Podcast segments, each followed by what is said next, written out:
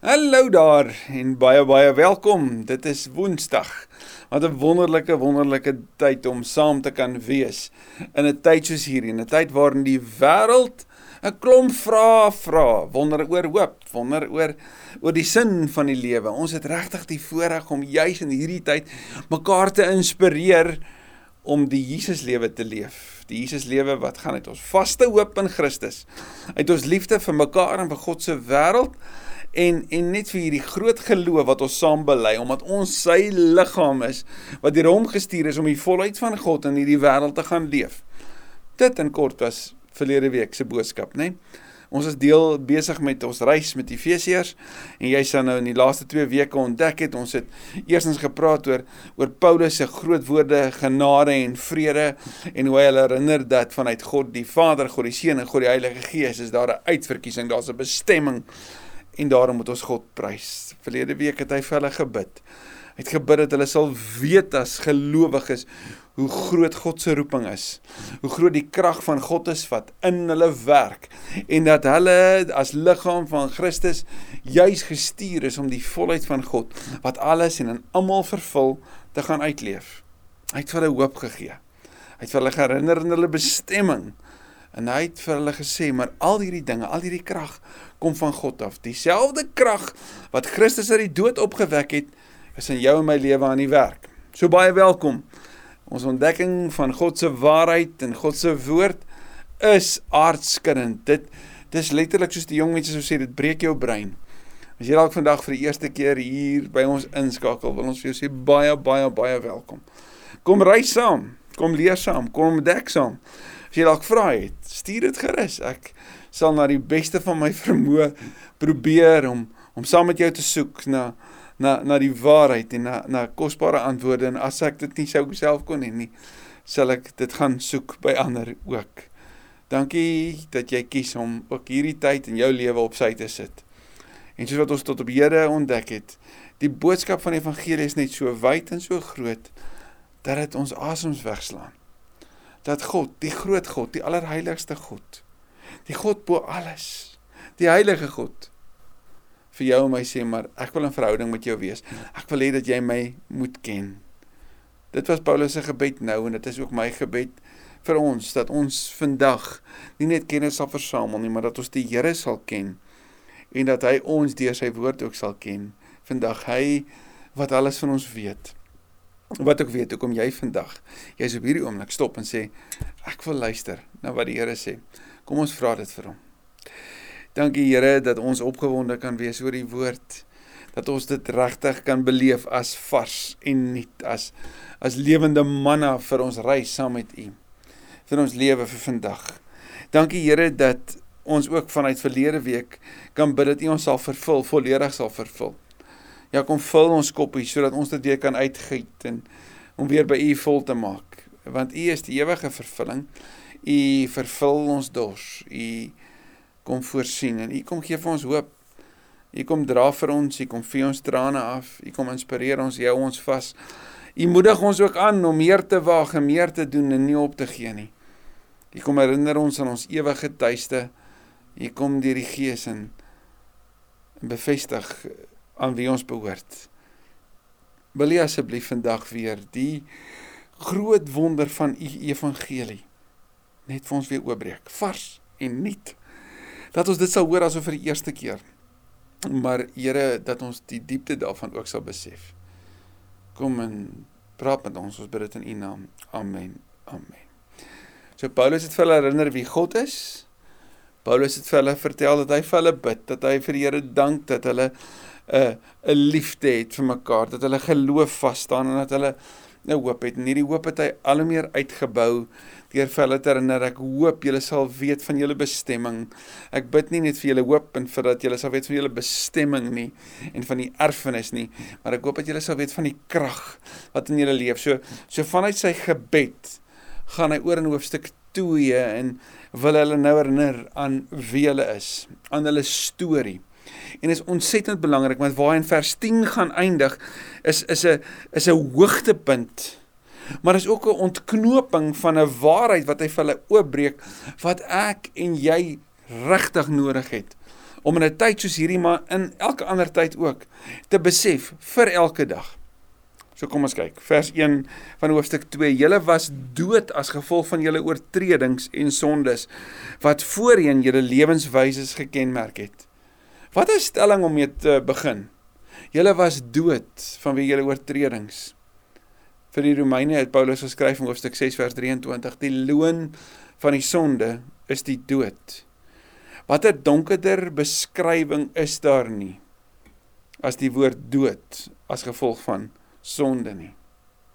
Paulus kom herinner ons dat dat voor Christus die sonde dood gebring. En ons sien dit in ons wêreld, daar was sonde heers. Ons sien dit in blindery. Ons sien dit in enige vorm van selfsug, van magmisbruik, van seer wat veroorsaak word van mense wat nie omgee vir ander nie. Dit bring mee soos Jesus sê in Johannes 10 vers 9, die dief kom om te steel, te slag en uit te roei. Ook julle sê Paulus was dood as gevolg van julle sondes wat voorheen julle lewenswyse gekenmerk het en hier's die mooi as Paulus sê voorheen beteken dit daar's 'n voor en 'n na. Hy herinner hulle aan hulle verlede. En nie ons leef nie vanuit ons verlede nie, maar ons moet asseblief nie vergeet dat ook ons 'n verlede storie het nie. 'n Storie voor Jesus. Want sien as ek bewus is daarvan, dan weet ek dat ek nou anders moet leef, anders moet doen en nee dat ek nie nou kan sê hoe oulik ek is nie. Want Paulus gaan vir ons wys, ook hy het 'n voor Jesus storie. Nou praat hy met hierdie Efesiërs gemeente. Hy sê: "Julle was dood en dit was deel van julle lewe. Julle het geleef soos hierdie sondige wêreld, soos julle was een van hulle. En julle laat lei deur die vors van die onsigbare magte. Die die Griekse woord daar vir die vors van die magte is die Griekse woord argonta wat beteken die eerste. Die eerste van hierdie duistere magte. Natuurlik is dit 'n verwysing na die duiwel. Die duiwel wat ons weet Satanos, die aanklaer, Diabolos, die een wat verdeel. Dis maar beskrywings wat vir hom gegee word. Paulus sê julle was deel van hierdie wêreld. En wat het julle gedoen? En dan noem hy drie goed. En die eerste daarvan, julle het julle laat lei deur die vors van hierdie duistere, onsigbare magte.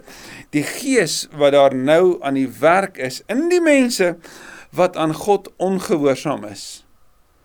Paulus sê voordat julle by Jesus uitgekom het, het julle lewe 'n bepaalde kenmerk gehad. En en hier's die belangrike. As Paulus praat oor 'n lewe voor en na Christus, dan praat hy nie van 'n verandering stadig en stelselmatig metodies en dan eers as jy beter amper soos 'n 12 stap program nie. Nee, hy praat soos Jesus vir Nikodemus sê in Johannes 3, praat Paulus in in in 2 Korintiërs 5 van 'n herskepping, van 'n nuut skepping. Jesus sou praat van 'n nuwe geboorte. 'n totale nuwe lewe wat gebeur wanneer jy in Jesus vasloop. En 'n nuwe lewe het nuwe gewoontes en 'n nuwe rede vir optrede. Jy kan nie meer doen wat jy voorheen gedoen het nie, sal Paulus sê, want jy's 'n nuwe mens. Voor die tyd sê hy, het julle wat?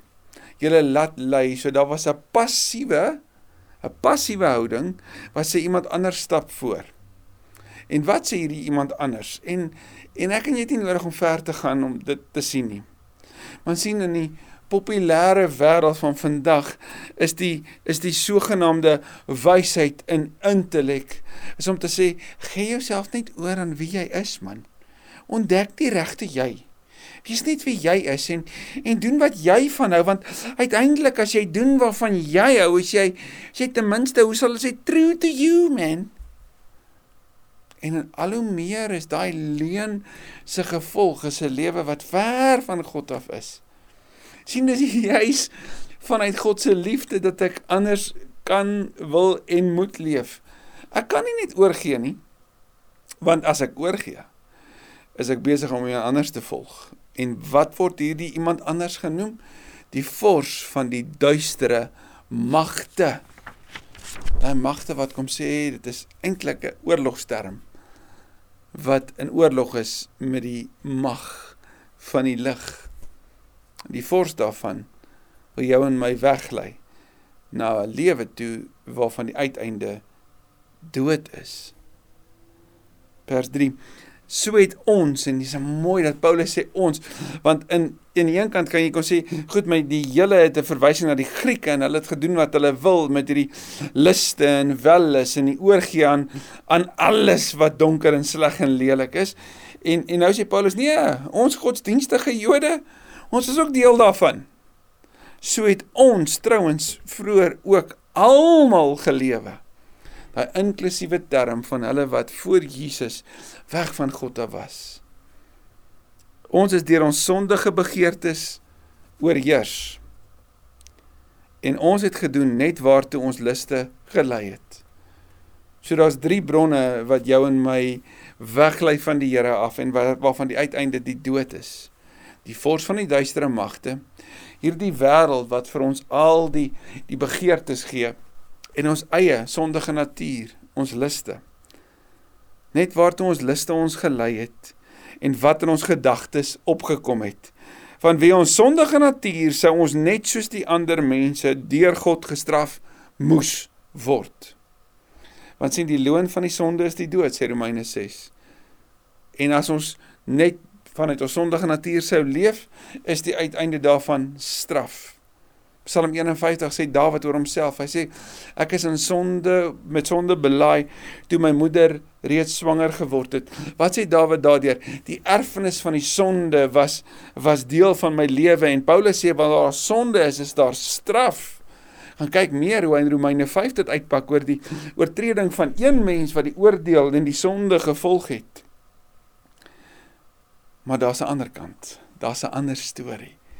Daar's 'n ander hoop en jy sê kom sê maar hoe onregverdig dat dat 'n babietjie die sondige natuur kry. Hy lyk dan so onskuldig en so pragtig. Totdat hulle begin praat en van hulle eerste woorde is myne. Dan kom jy agter maar die sondige natuur is maar so diep binne in ons eie menswees ingegrafieer. Die sondige natuur wat jy voorheen gehad het, maar in Christus is daar iets anders. Daarom is vers 4 se eerste woorde so belangrik. Maar God. Maar God. Ons is nie net oorgelaat aan ons sondige natuur nie. Ons is nie net oorgelaat aan die begeertes van hierdie wêreld nie. Ons is nie net oorgelaat aan die vors van die duistere magte nie. God het ons nie net daar gelos dat ons gestraf moet word nie, want dis die hart van ons Here om ons te red. En kyk mooi, maar God is ryk in barmhartigheid teenoor die vors van die wêreld wat jou lei na die dood toe. Kom die God van die hemel wat ryk is in barmhartigheid. En dan staan daar en het ons innig lief. In Johannes 4 vers 8 sê God is liefde. Hoe sou God ons dan wou los in die dood? Wat sê die Here daarin in in in in die boek van van Prediker oor God se liefde vir ons. Wat sê hy vir ons in die boek van Hosea oor oor maar my liefde vir jou brand te sterk. Wat lees ons in die in die ganse woord? God wat ons wil red, God wat ons wil nader trek. Hier lees ons dit weer. Wie is God? Hy's ryk in barmhartigheid en hy het ons innig lief. Dis die goeie nuus. Jy hoef nie hel toe te gaan nie. Jy hoef nie die dood te weet in die oë te staar nie. Jy hoef nie jou oor te gee aan jou liste en jou begeertes nie. Daar's 'n nuwe lewe in God. Vanuit sy liefde wil hy jou oprig. Wil hy jou inbring in 'n in 'n familie en 'n verhouding dat jy hom werklik kan ken. Maar God is ryk in barmhartigheid. Hierdie woord barmhartigheid is 'n is 'n omgee term, is 'n intrek term die Here wat ons vanuit die diepte van ons verlorenheid met sy oorvloedige goedheid kom oorskadu en intrek in sy familie. En jy sien dit in Jona. Ek wil Jona word dan hoofstuk 4 so kwaad omdat die Here Ninive red. Omdat die Here as dit ware van plan verander. Hy kondig oordeel aan, maar dan red en dan sê sê Jona, "Maar ja, ek het geweet dis wie hy is. Hy's barmhartig en genadig. Dis wie hy is. Dis hoekom ek nie wou kom nie." God se bedoeling is redding. Deur sy groot liefde het hy ons wat dood was as gevolg van ons oortredings saam met Christus lewend gemaak. Uit genade is jy gered. Hoor mooi, hy sê ons was dood, maar ons is nie dood gebly nie. Ons het tot die lewe gekom. Paulus het in die vorige gedeelte in sy gebed vir hulle herinner, maar maar dieselfde krag wat Christus uit die dood opgewek het, is in julle aan die werk. En wat se krag is dit? Dis die krag wat 'n mens van die dood na die lewe toe kan oprig. Daai selfe krag wat vir Lazarus uit die dood uit opgewek het, wek jou en my vanuit ons status van dood, van wie ons sonde en ons oortredings op tot lewe. Dat jy letterlik aan die lewe kom. God roep 'n dooie mens tot die lewe vanuit sy liefde en sy barmhartigheid. Die loon van die sonde is die dood. Is die eerste deel van Romeine 6:23. Maar die genadegawe wat God gee is die ewige lewe. Jesus beskryf die ewige lewe in Johannes 17:3 as om hom te ken. Paulus sal in 2 Korintiërs 5:17 sê iemand wat in Christus is is 'n nuwe mens. Die ou is verby. Die nuwe het gekom. Maar God ryk in barmhartigheid doen dit. Uit genade is jy gered. So as die loon van die sonde die dood is, as die erfenis van die sonde vanaf babietjieskap die dood is, is daar 'n nuwe erfenis volgens Romeine 5 wat vanaf babietjieskap omdat God gedoen het wat God kan 'n nuwe erfenis is vir gelowiges vir die gelowige familie vanuit God se grootheid is sy en sy liefde is sy barmhartigheid en sy genade soveel groter as die verlorenheid van die sonde. Maar God. Gaan lees gerus en gaan kyk gerus na die klip op YouTube van Alistair Begg wat hy praat van die man in die middel waar hy sê daar's niks waarop ek kan staat maak nie. Dis alles wat God doen. Daarom gaan ek eendag in die hemel kan wees en sê omdat hy maar God het ons van die dood na die lewe toe geroep.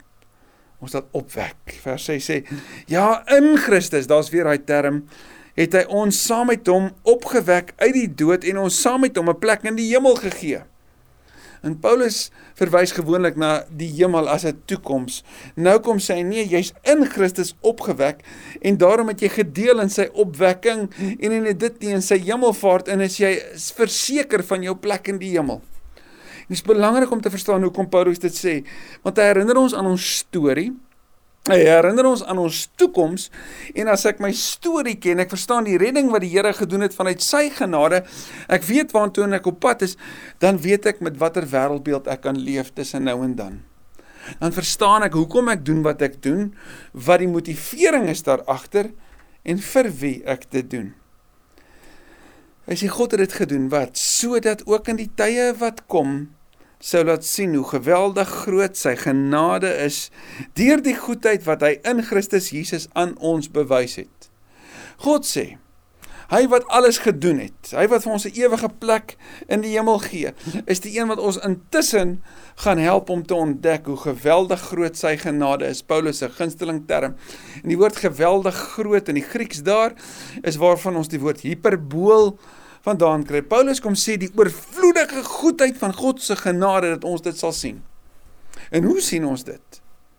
Ons sien dit in die deel van die evangelie. Ons sien dit in die herstel van verhoudings. Ons sien dit wanneer die kerk as Christus se liggaam waarvan hy die hoof is, die volheid van alles en almal dit gaan leef. Dan sien ons sy goedheid raak. En dan deel ons daarin. Want sien As jy wil weet hoe God is, kyk na Christus. Want soos iemand eendag gesê het, God is Christ-like. En dan verwys hy so hy herinner hulle aan hulle storie. Dan sê hy: "Julle is inderdaad uit genade gered deur geloof. Hierdie redding kom nie uit julleself nie. Dit is 'n gawe van God. Julle is uit God se goedheid, uit daai liefde en daai barmhartigheid is julle gered. Gered soos asof uit 'n put gered. Gered soos iemand wat bevry word van van slawerny, gered, bevry, nuut gemaak. Gered vanuit enige vorm van slawerny terug naby hom, saam met hom.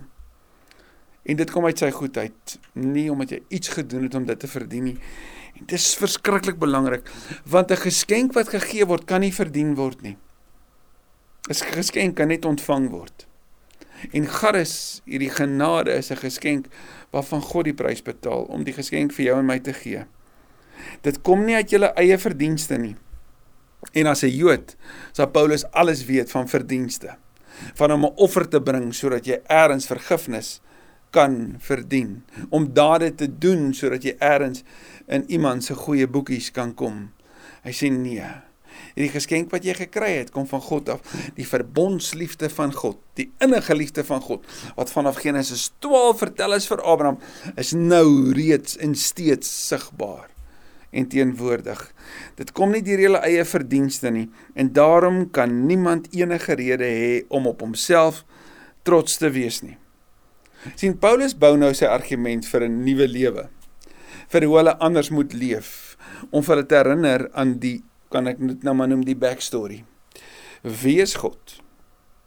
Hoe ongelooflik groot is hierdie reddingskrag in Christus? Wie is die Here wat naby kom en hulle red? Hoe geweldig verlore was hulle voor hom en sonder hom. Wees hulle nou in hom en dat alles in hom is en daarom kan hulle nie leef. Dis belangrik vir jou en my om dit ook te onthou. Sonder die Here is ek verlore, vanweë sy genade is ek gered. En daarom kan ek nie leef en daarom kan ek nooit roem trek vir enigiets wat ek doen nie kan ek nooit sê dis omdat ek so oulik was nie. Die Here het my geseën omdat ek oulik is nie. Soos wat ek so baie keer op van hierdie baie groot sportmotors sien, blessed. Ek bedoel, wat beteken dit?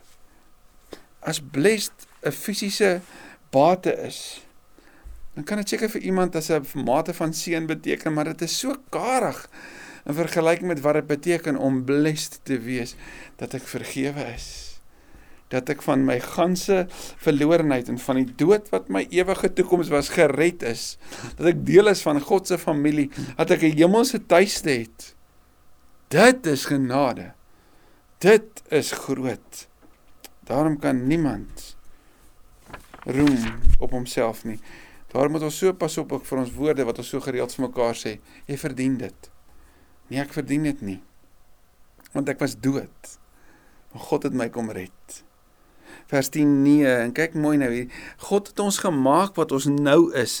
In Christus Jesus het hy ons geskep om ons lewe te wy aan die goeie dade waarvoor hy ons bestem het. Dis die kruks waarby Paulus wil uitkom voordat hy hulle gaan inspireer om nie te leef. Hy sê God het ons gemaak wat ons nou is. Ons is geskep. Die woord daarvoor geskep is die Griekse woord poema Ons kry die Engelse woord gedig daarvan af. Jy's God se gedig. 'n uh, 'n ander vertaling sou sê you're his masterpiece. Jy sy skepingswerk. Een God is die skepper, ek en jy's nie toevallig hier nie. Maar twee, elke skepingswerk het iets baie unieks van die skepper. En ek en jy moet God se afdruk in hierdie wêreld wees. God het ons geskep en wat is die rede daarvoor? Om ons lewe te wy vir die goeie dade. sien Paulus sê jou dade kan geen verdienste vir jou bring nie. Maar omdat God alles vir jou verdien het en vir jou nuut gemaak het, kan jy nou nuut leef. So ons gaan doen dade maar nie sodat ons gered kan word nie. Nie sodat ons erns kan verdien of status kan hê of erns kan roem trek nie. Ons doen goeie dade omdat ons deur God herskep is. En wat is hierdie goeie dade? In ons Augustus preekreeks gaan ons hierdie goeie dade en die effek daarvan, soos ons dit sien ook in Efesiërs, al hoe meer uitpak en ek sien baie uit daarna. En Paulus gaan ons daarmee help om ons lewe te wy aan die goeie dade wat waarvoor hy ons bestem het. Uitverkies, bestem, prys. Hierdie Here wat agter die gordyn van tyd sy reddingsplan uitgewerk het is steeds besig om hierdie reddingsplan waarvan ek en jy die liggaam van Christus is en Christus beliggaam in sy wêreld deur ons liefde vir mekaar en vir ander is besig om ons te lei in 'n tyd soos hierdie, juis vir 'n tyd soos hierdie om die hoop wat Christus is vir hierdie wêreld sigbaar te maak. Die werke wat ons nie sal red nie, maar wat ons doen omdat ons gered is. Hy het ons gemaak wat ons nou is. In Christus Jesus het hy ons geskep om ons lewe te wy, om ons lewe te gee vir die goeie dade waarvoor hy ons bestem het. Hoe groot is hierdie evangelie nie? Hoe groot is ons sonde sonder die Here nie? En kan ek dit vandag vir jou vra as jy nog nie op 'n plek in jou lewe gekom het waarin jy bely, Here, Hier is my sonde. Hier is my skuld. Hier is my skaamte. Kom was my skoon. Kom maak my nuut. Kom bring my van die dood na die lewe. As jy nog nie daai gebid het nie, wil jy dit nie vandag saam met my doen nie? Wil jy nie die nuwe lewe waartoe Jesus jou roep, waartoe hy jou opwek, voluit gaan leef? Omdat hy so goed is en hy van jou en my vir hom ons lewe juis daarvoor te wy nie. Kom ons bid. Dankie Here dat ons vandag die voorreg kan hê om voor U te kom staan en te bely met met gebuigde hoofde. Here, ek is 'n sondaar. Here, my sonde is so groot. My selfsug kom so vinnig na vore. Ek bely dat ek soms verlei word deur die vors van die donker magte. Ek bely dat hierdie wêreld met met al sy verleiding my soms van koers bring en ja, ek bely dat ek ook soms vanuit my eie sondige natuur nog optree. Ek het U so so nodig. Ek is verlore sonder U. Kom red my. Vergewe asseblief my sonde. U het betaal daarvoor, volledig betaal daarvoor. En ek verdien niks daarvan nie. Ek sal nooit kan sê dat ek enige iets van U goedheid, van U vergifnis en van U liefde kan verdien nie. Kom was my skoon. Maak my rein. Dankie dat U dit doen. Dankie dat U U Gees vir my gee. Uitstort in my lewe. O Heilige Gees dat U in my kom leef en my kom lei. Vanuit daai selfde barmhartigheid en daai innige liefde na die Jesus lewe toe, die beste manier van leef. Mag ek daarom ander lief hê.